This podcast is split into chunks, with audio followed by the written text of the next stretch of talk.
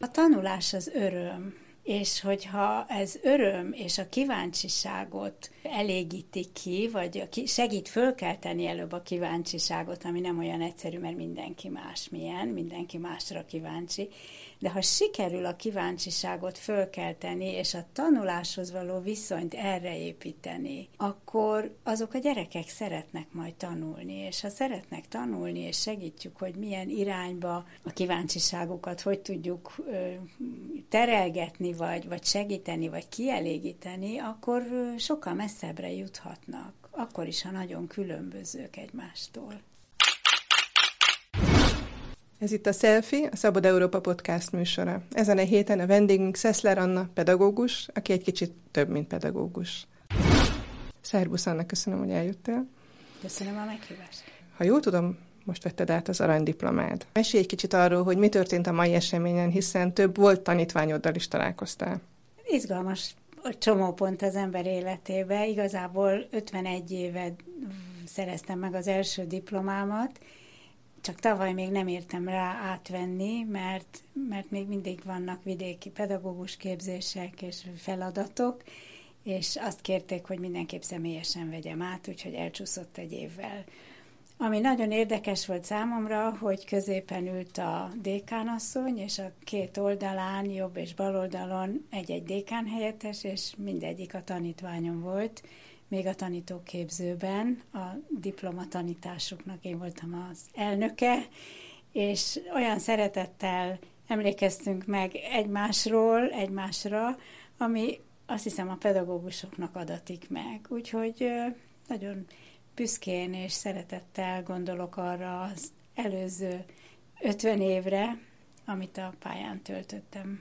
Beszéljünk kicsit erről akkor, és aztán térjünk ki az oktatás helyzetére, mert azt nem tudjuk megkerülni szerintem semmiképp, hogy ha most visszatekintesz a pályádra, mi volt az, amire leginkább kellemes emlékként gondolsz vissza?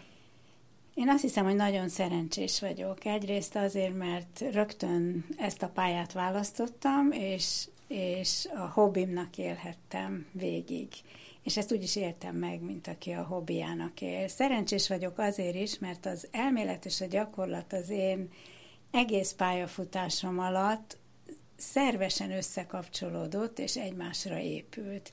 Tehát én elkezdtem piciket tanítani, és aztán szereztem még egy diplomát, és aztán újra, és megint, és aztán a módszerekbe, a, a legkorszerűbb kutatásokba igyekeztem elmélyülni, megpróbáltam nyelveket tanulni annyira, hogy, hogy külföldi példákat is meg tudjak nézni, és kialakítani egy olyan élet, szemléletet az iskolában, amire én azt gondolom, hogy szüksége van a gyerekeknek, és ami mindenkinek jó, és ez engem nagyon vitt folyamatosan különböző lépésekben egyre tudatosabban, de mindig a gyakorlathoz kapcsolódóan. És aztán én tanítottam a neveléstudományi tanszék pedagógia minden ágát, és utána megint elmentem iskolát csinálni, és, és megint a, a gyakorlatban megpróbáltam visszaültetni mindazt, amire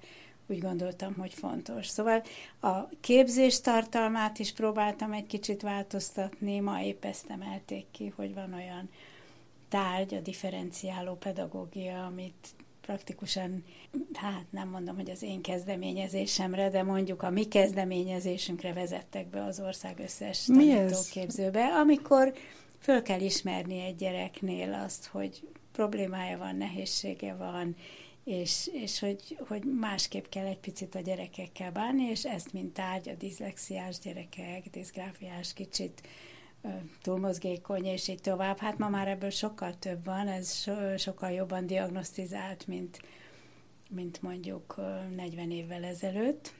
Akkor kezdődött ennek a területnek a, a, a, tanítása, a, tanítása. A, a felsőoktatásban. Mi volt az az életszemlélet, amit át akartál adni az előbb azt mondtad, hogy volt egy életszemlélet, amit szerettél Hát, hogy a, a tanulás az öröm, és hogyha ez öröm és a kíváncsiságot elégíti ki, vagy segít fölkelteni előbb a kíváncsiságot, ami nem olyan egyszerű, mert mindenki más milyen, mindenki másra kíváncsi.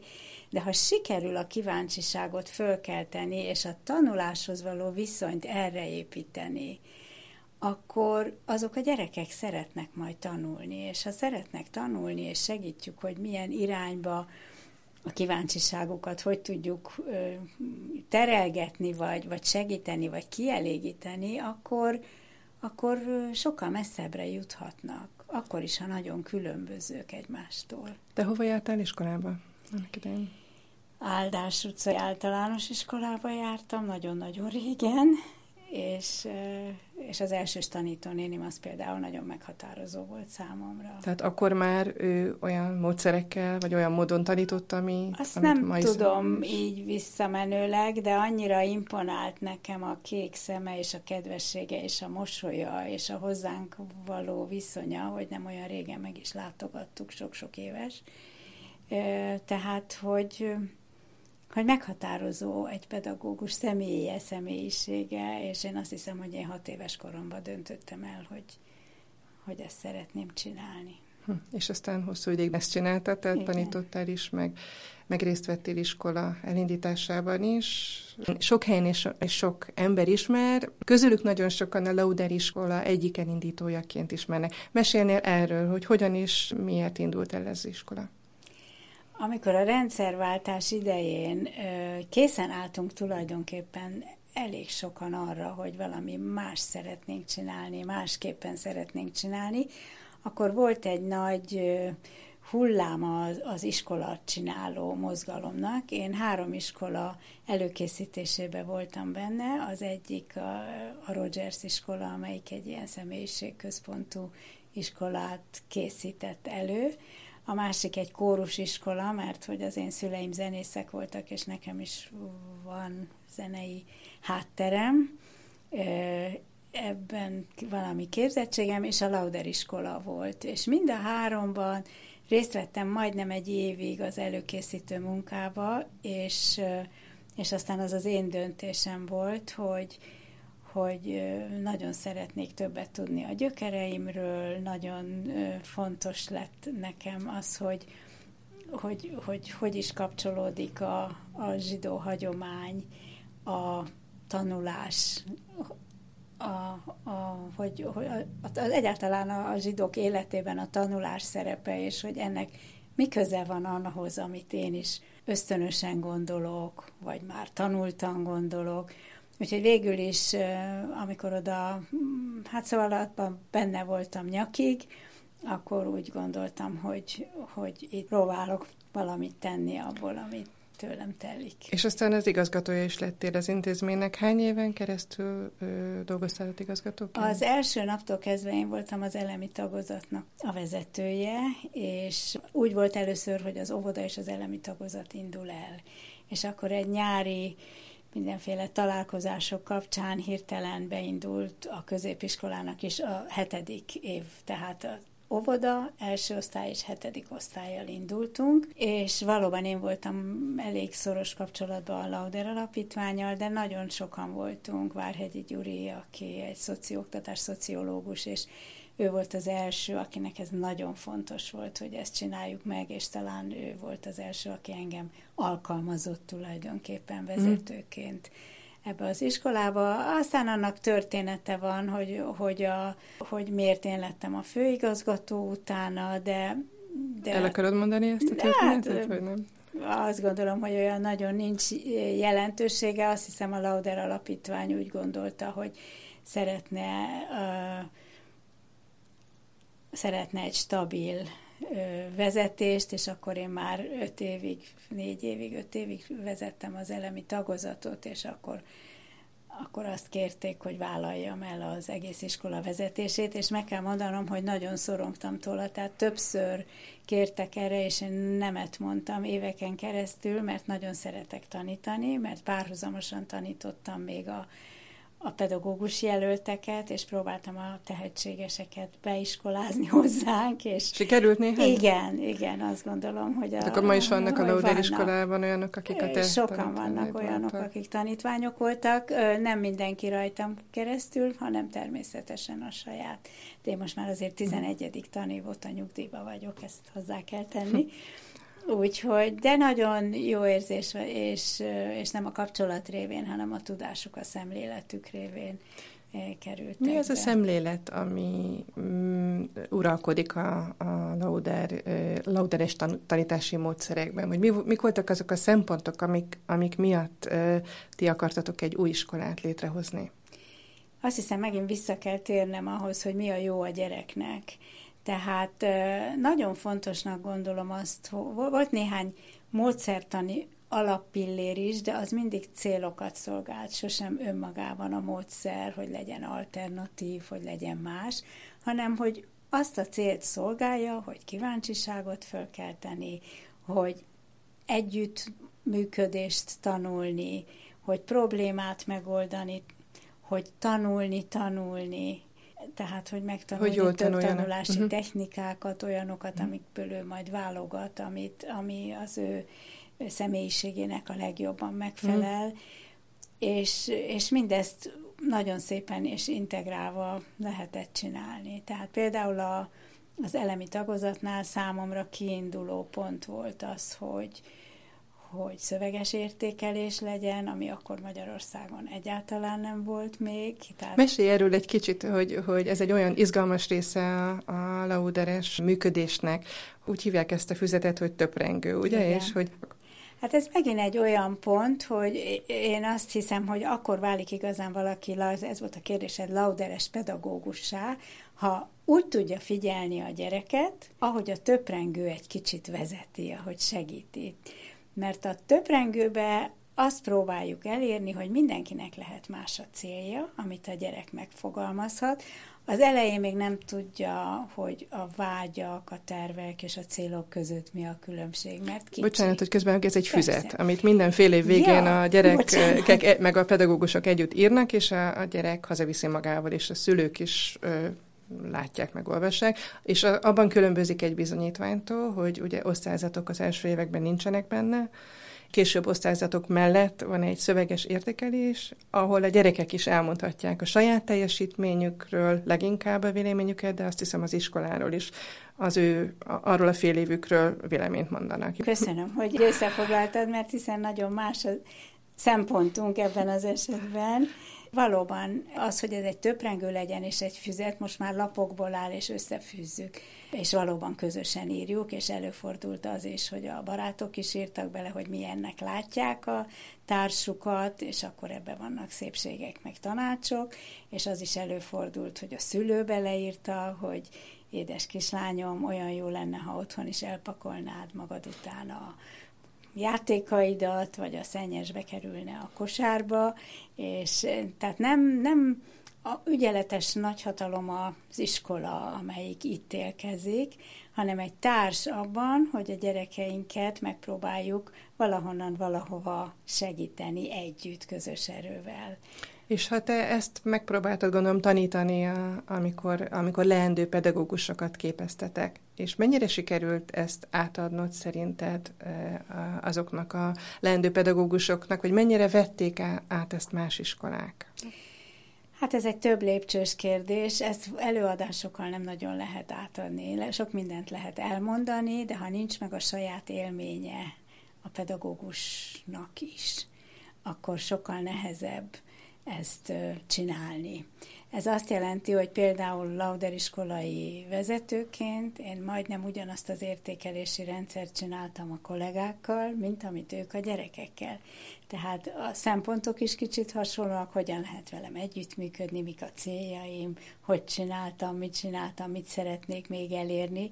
És amikor ő ezt magán is végigrágja, akkor, akkor, akkor belülről érzi, hogy, hogy mi volt neki jó, és mi mhm. az, ami neki segített. És akkor egy picit a gyerekek is profitálnak ebből a történetből. Tehát, hogy ez, ez nagyon nehéz akkor, hogyha nem saját élmény. És azért most a pedagógus továbbképzésben is nagyon megpróbálunk mindent olyan aktív módszerekkel együttműködve csinálni, hogy ezt, ezt megélhessék a már pedagógusok, akik ezt nagyon jól el tudják helyezni.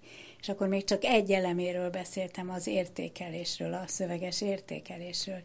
De a másik ilyen volt a, a projektrendszer. Most már ez olyan divatos, én a 90-es években egyáltalán az oktatásban a projekt nem, for, nem, nem igazán fordult elő még Magyarországon, hogy, hogy ez mit jelent, hogy összefüggésekben, hogy miért, miért adhatunk teret annak, hogy mindenki más, és egy közös munkában mindenkinek lehet saját dolga, és olyan saját dolga lehet, amit ő szeret, amit kíváncsi, amire kíváncsi, amivel a közöset viszi előre, Mondjuk egy példát erre, ha nem árulok el titkot, az, hogy mi onnan ismerjük egymást, hogy a gyerekeim is ebbe az iskolába jártak, vagy részben még járnak is, hogy a harmadik évfolyamon, az elemi eh, harmadik évfolyamán, ha jól emlékszem, volt a falu projekt. Így ugye? Van. Mesélnél erről egy kicsit, hogy mit jelent ez a közös munka egy projektben? Hát a falu projekt az egy a 150 közül, amelyiket érdekes módon nagyon hamar lecsaptak a kollégáim. Tehát amikor én így terítettem egy csomó ötletet, akkor ez az egyike volt annak, amire nagyon szívesen rákaptak. Ez azt jelenti, hogy elmennek kirándulni először az év elején, a valóságnak és az iskolának mindig köze kell, hogy legyen egymáshoz. Az iskola nem a négy fal között van, hanem kimozdulás, elmennek kirándulni, választanak egy helyet, akkor még nem volt számítógép, meg sok minden nem volt ennyire nyilvánvaló. Ők foglalták a vasúti kocsit, a ügyintézés, benne van, hova megyünk, milyen eszközzel lehet oda menni. Nagyon sok mindent meg lehet tanulni a térképről, akkor, amikor kiválasztunk egy helyet. Nem akarom hosszúra nyújtani, Szóval elutazunk, megcsináljuk a saját programunkat, interjút készítünk a helyi polgármesterrel, megnézzük, kérdezzük, hogy hány nő, hány férfi lakik a településen, munkaerő, hol vásárolnak, hogy néz ki egy bolt. Mhm. Azért a városi gyerekeknek ez bizony nagyon érdekes volt. Na, és akkor nem hosszú, hosszabbra nyújtva visszajövünk, és megalakítják a saját településeket, a saját falujukat, ami az osztálynak egy közössége. Választanak polgármestert, de a polgármesternek kell valami célja legyen, több jelölt van, megpróbálnak. Van kampány is. Kampányidőszakban igen, igen, megpróbálnák meggyőzni a társaikat, hogy miért ők lehetnének a, a, az alkalmasabbak a, a falu éle, az osztály falujának az életének az irányítására.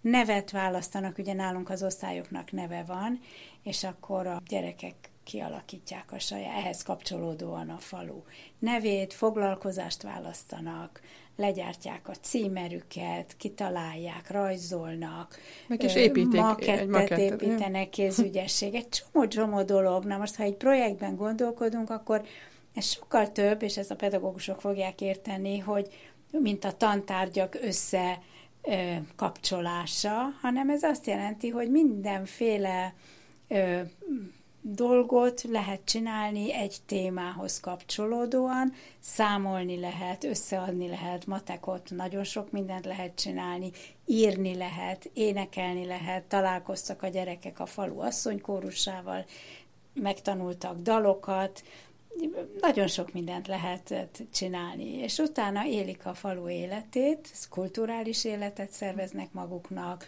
pénzt saját pénzt saját pénzük ki. van, aztán a konvertibilitást megtanulják a szomszéd osztályjal. osztályjal és a faluval, szóval nagyon-nagyon sok mindenre ad lehetőséget. Újságot szerkesztenek, írnak, rajzolnak, keresztrejtvényt fejtenek, dalokat költenek. Nincs olyan, ami ne férne ebbe bele, a kreativitás. És ez egy év, ugye, egy tanéven keresztül akkor a tantárgyakat? A gyerekektől és a kollégáktól is nagyon függ az, hogy, hogy mennyi ideig húzzák, vagy szeretik csinálni. Hm. Egy év az általában benne van, és aztán hm utána tágul a kör, ugye, mert első osztályban ő saját maga, aztán a család, aztán a falu, és aztán az utazás projekt, és akkor egyre távolabb megyünk a, az itt és most, és az éntől, és ez a gyerekektől is nagyon függ, hogy ezeket milyen irányba engedjük, vagy terelgetjük tovább, ez pedagógustól is függ, gyerektől is mm. függ. Úgyhogy ez a fajta szabadság, ami alatt nagyon sok mindent meg lehet tanulni, örömmel, szeretettel, kíváncsisággal, ez nagyon megtérül. És belefér a tananyag megtanulása. Szokták volt mondani kedves szülők, hogy úgy félek, hogy ez a gyerek nem tanul, mert olyan boldog. Miért is ne lehetne, hogyha ha boldogan tanul, és, és láthatóan megállják a helyüket ezek a gyerekek azért. Szülőnek is meg kell tanulni másképp tekinteni a gyerekekre, hiszen szülőként is sokszor úgy érzi az ember egy ilyen iskolából kijövő gyermekkel szemben, hogy hát túlságosan nagy a hangja, tehát túlságosan erőteljesen képviseli az érdekeit, holott ez lenne a jó valahol, tehát ezt is megtanulják, hogy a véleményükért kiálljanak, és a szülő mondjuk elfelejti, hogy azért vittük ebbe az iskolába a gyereket, hogy megtanuljon kiállni a véleményért, megtanuljon indokolni, amikor ugye szülőként szembesül ezzel az ember, meglepődik eleinte ezen. És a, a Lauderrel kapcsolatban egy másik fontos dolog, hogy ez egy nem vallásos iskola, hanem egy világi zsidó iskola volt, de hogy ez is egy új vonal volt, amikor létrehoztátok az iskolát, tehát egyrészt, hogy ilyen nagyon demokratikus szellemű, illetve a zsidó hagyományokkal is foglalkozik. Hogy erről mesélj kérlek néhány szót. Az nagyon fontos volt nekünk, hogy a, a zsidóságból például az a tanulás szemlélet, hogy mindent sokféleképpen lehet értelmezni, megmagyarázni, körüljárni, azt tovább vigyük. És nagyon fontos volt a, a zsidó szokásoknak is a, az iskola életébe való ö, bevonása. Ezt ö, mi nagyon szerettük, és közösségi formák, formának véltük, és azt gondolom, hogy úgy is éltük meg. Úgyhogy ez a, hogy, hogy mennyire, ez egy nagy vita volt, hogy, hogy abban az időszakban, hogy hogy lehet zsidó iskolát csinálni egy ilyen világba, és hogy ez kinek jó, és mi legyen az iskola neve, és szóval ez nem volt annyira ö, egyszerű, és azt gondolom, hogy ma sem egyébként annyira egyszerű, én nem irigylem az utódaimat sem, ugye, akik ezt tovább viszik, de ez egy nagyon fontos dolog, hogy hogy tudjuk úgy integrálni a, zsidóságot, a, mint életformát, mint gondolkodási formát az iskola hétköznapjaiba, hogy ezt a gyerekek sajátjuknak érezzék, vagy hogy tovább vigyék, vagy legalábbis visz, tudatosan viszonyulhassanak hozzá. Hát sok család számára gondolom, ez az első találkozás volt a zsidó örökségükkel. Gondolom, akkor az egész családokkal foglalkoztatok együtt, közösen ünnepeltetek. Mit jelentett ez, hogy megpróbáltátok megőrizni a zsidó hagyományt. Ez hogy az ünnepeinket, és a, az ünnepeinket például hmm. leköré építettük fel, hogy a szülőket szeretettel fogadtuk, és bevontuk ezekbe az ünnep, és, ünnepekbe, és tulajdonképpen együtt tanult a család, a szülők, hmm. meg a gyerekek egy, egy új év, hogy mi szokott ott történni, és ezeket a szokásokat a mai napig is eh, nagyon szépen csinálják. És azt mondtad, hogy nem irigyled a, azokat, akik most folytatják e, ezt a munkát, amit ti ott elkezdtetek a Lauderben. Ez azt jelenti, hogy kevésbé tapasztalhatóan, érezhetően keményebb lett a magyar társadalom a, a, a egy zsidóskolával kapcsolatban, szerinted? Azért nehéz nekem ebben állást foglalnom, mert 11 éve nem vagyok ott, hm. és ezért nem merek olyan dolgokba belebeszélni, amit naponta nem érzékelek már, de úgy vélem, hogy, hogy, hogy nem, nem lett könnyebb ez, de talán rosszul gondolom. Közben, mióta nyugdíjba mentél, egy másik vonalon folytattad a zsidó hagyományőrzést Balatonfüreden. Elindultatok ott egy kulturális központot, egy volt zsinagógához kapcsolódóan. Igen. Mi történik ott? Ezt onnan kezdeném, hogy a férjem Balatonfüreden született, és ő volt, vagy ő a Balatonfüredi zsidó, és ezért az önkormányzat, a polgármester őt kérdezte meg, hogy mit tehetnének azzal az épülettel, ami volt zsinagóga, és méltánytalanul egy középkori lovagi étterem, de volt buszgarázs és szerelőműhely és mindenféle egyéb. Egy olyan épület, ami egyébként katolikus kápolna, református templom, és majd zsinagóga lett és miután kiürült, mert hogy elvitték a zsidókat, 44-ben megörült az épület, mindenféle, itt a sorrendet rosszul mondtam, szóval mindenféle másképpen hm. hasznosították, és a norvég alapból az önkormányzat megpályázta a felújítást, ha van egy értelmes ötlet, és ez az értelmes ötlet az volt, hogy legyen ez a zsidó kiválóságok háza, olyan tudósok, művészek és sportolók élete, munkássága látható itt a legkorszerűbb digitális technikával, akik zsidó származásúak, vagy az őseik, vagy felmenőik zsidó származásúak, származásúak, és akik nélkül az egész emberiség sokkal kevesebb lenne. És ők nem feltétlenül Balatonfüredhez kötődő nem, emberek? Ez egész világ, ez az egész világ, nem csak Magyarország, tehát Einstein-től kezdve a tudósok Zuckerbergig, és a, a művészek is, azok is, tehát egészen a mai napig, sok a magyar is köztük, de, de mindenképpen, és a sportolóknál is, a sakkozók, és a mindenféle. És igen ez egy múzeumként is látogatható. Ez egy kiállító tér, uh-huh. azért nem múzeum, mert hogy nem tárgyak vannak benne, hanem olyan ö, digitális paravánok, ahol a 400 lehetőségből a, a válogatni lehet, körülbelül ötöt lehet egyszerre úgy felfogni kellemesen és megnézni.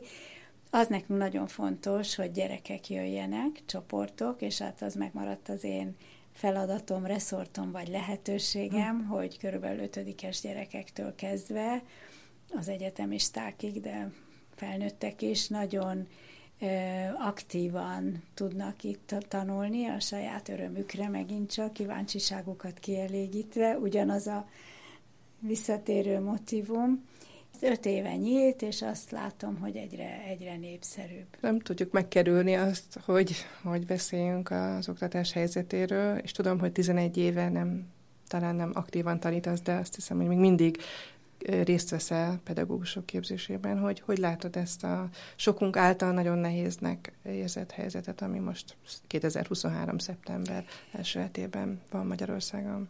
Hát az első az egy érzelmi reakció, hogy végtelenül szomorúvá tesz, és elkeserítővel az, hogy milyen irányba megy a történet, hogy megint a lexikális tudás felé megy át az érettségi például magyarba, hogy megint, nem, mintha nem ennek a korszaknak a, az iskoláját próbálnánk megcsinálni, hanem visszafelé mennénk. Lehet, hogy túlzás azt mondani, mintha alatvalókat képeznénk, akik megtanulják, hogy merre van az előre, és azt mit kell tenni ahhoz, hogy ők ebbe a keretbe beleférjenek.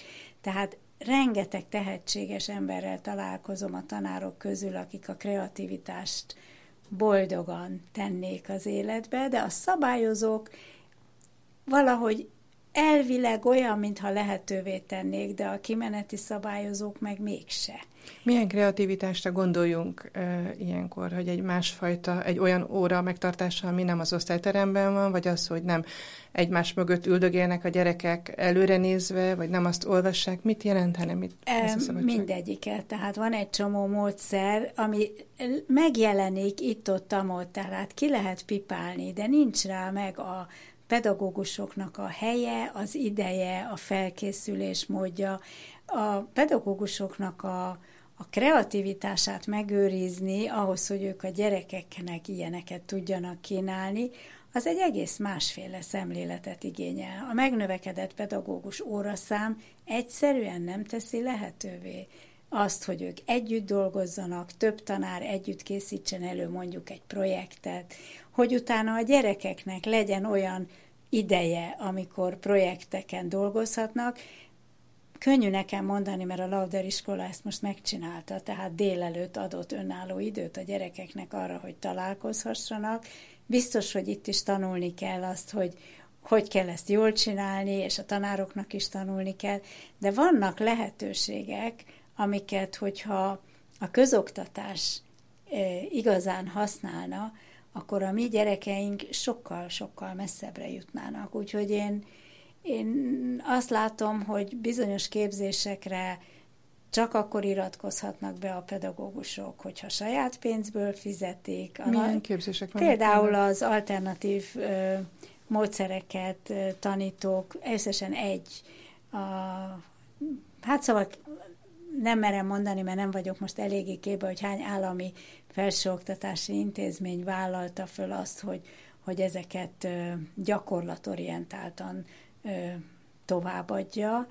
De azt látom, hogy az iskoláknak nincs könnyű dolga, amikor szabadon akarnak a továbbképzésekről dönteni, és hát azt látom, hogy nagyon sok pedagógus elhagyta a pályát, a volt tanítványaim közül is, a volt kollégáim közül is, és ez érzelmileg is megvisel, ugyanakkor borzasztóan féltem a következő nemzedéket nem csak az iskoláknak okoz nehéz helyzetet, hanem néhány év múlva az onnan elballagó gyerekek kilépnek a társadalomba, és akkor ők... És itt maradnak-e? Szóval az is egy nagyon nagy kérdés, hogyha kreatívnak neveljük, és sok nyelvet beszél, és életre való, akkor itt, itt marad-e Magyarországon, és itt használja-e a kreativitását?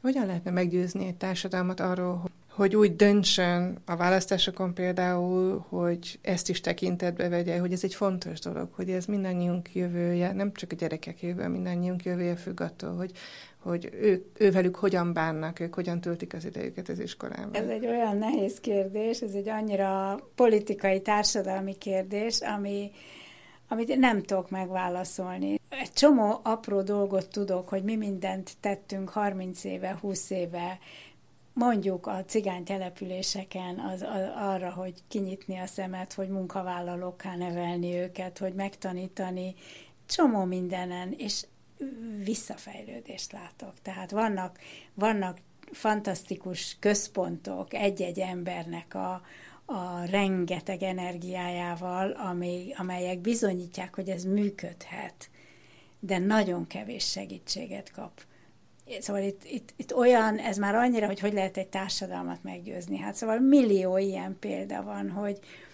hogy, hogy ez egy nagyon összetett feladat, de hogyha visszautalhatom a labdát, vagy visszadobhatom, mhm. azért azt gondolom, hogy a, a média lehetőség is olyan lecsökkent, szóval, hogy, hogy hogy is lehet eljutni az emberekhez. Hát olyan nagyon zárt rendszerben kapják az információkat a, a lakosság legnagyobb része, hogy el se jut az az információ, hogy másképp kéne gondolkodni. Ha az iskolákban az oktatás módja kicsit megváltozik, talán hozzájárulhat ahhoz, hogy a felnőttként máshogy viszonyuljunk egymáshoz, mert sokszor tapasztaljuk azt, hogy lehetnénk sokkal együttműködőbbek, egymással toleránsabbak, és ennek kulcsa lenne bizonyára, az egyik kulcsa az iskola lenne hogy ez megtörténhessen. Milyen kiútat látsz a mostani helyzetből? Egy kicsit hmm. tyúktojás, igen, és amíg a pedagógus nem érzi azt a biztonságot önmaga számára, addig nagyon nehéz ezt úgy továbbadni. Megint visszajutottunk oda, hogy a saját élmény, és nagyon nehéz az embernek saját magát kihúzni a saját hajánál fogva a mélyvízből. Én nem, nem szeretnék pessimista lenni, mai napig csinálom, azt gondolom, hogy amit tudok, meg, megpróbálom megtenni, és vannak nagyon-nagyon jó pedagógus közösségek, akik rettentő sokat segítenek a mai diákjaiknak abban, hogy, hogy ők is folytassák kritikusan, őszintén, energikusan, és ennek hát csak reménykedni tudok. Mit ajánlanál egy, egy fiatal pedagógusnak ebben a nagyon nehéz helyzetben, ha még valaki a pályán marad, milyen stratégiát ajánlanál annak, aki mostanában végez és indul ezen a pályán? Nagyon nehéz, és igen, ma az évnyitón adták át ezt a, ezt a diplomát, és néztem a fiatalokat, és a fiatalok arcát, és ezt a sokféle e, tekintetet, és e, hát nagyon drukkolok, hogy tényleg pedagógusok akarjanak lenni. És maradjanak is azok. És, és megtalálják azt, a, ahol ők hasznosak lehetnek. Mert hogy nem elég szeretni a gyereket, jól kell szeretni a gyerekeket, és, és követeléssel, vagy segítéssel, szóval, hogy, hogy tudatosan. És szerinted igaz az, hogy pedagógus ellenes a magyar társadalom?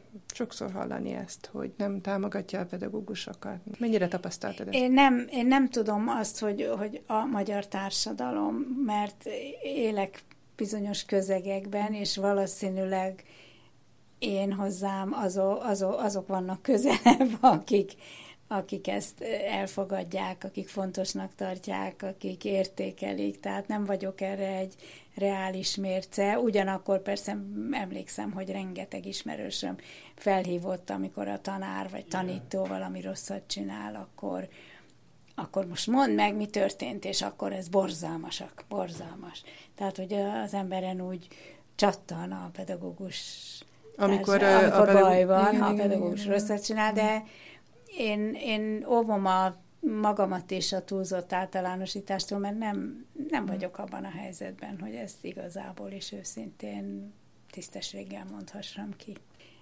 Ez volt a Selfie, a Szabad Európa podcast műsora. Én Hon Gabriele vagyok. Köszönjük a figyelmet!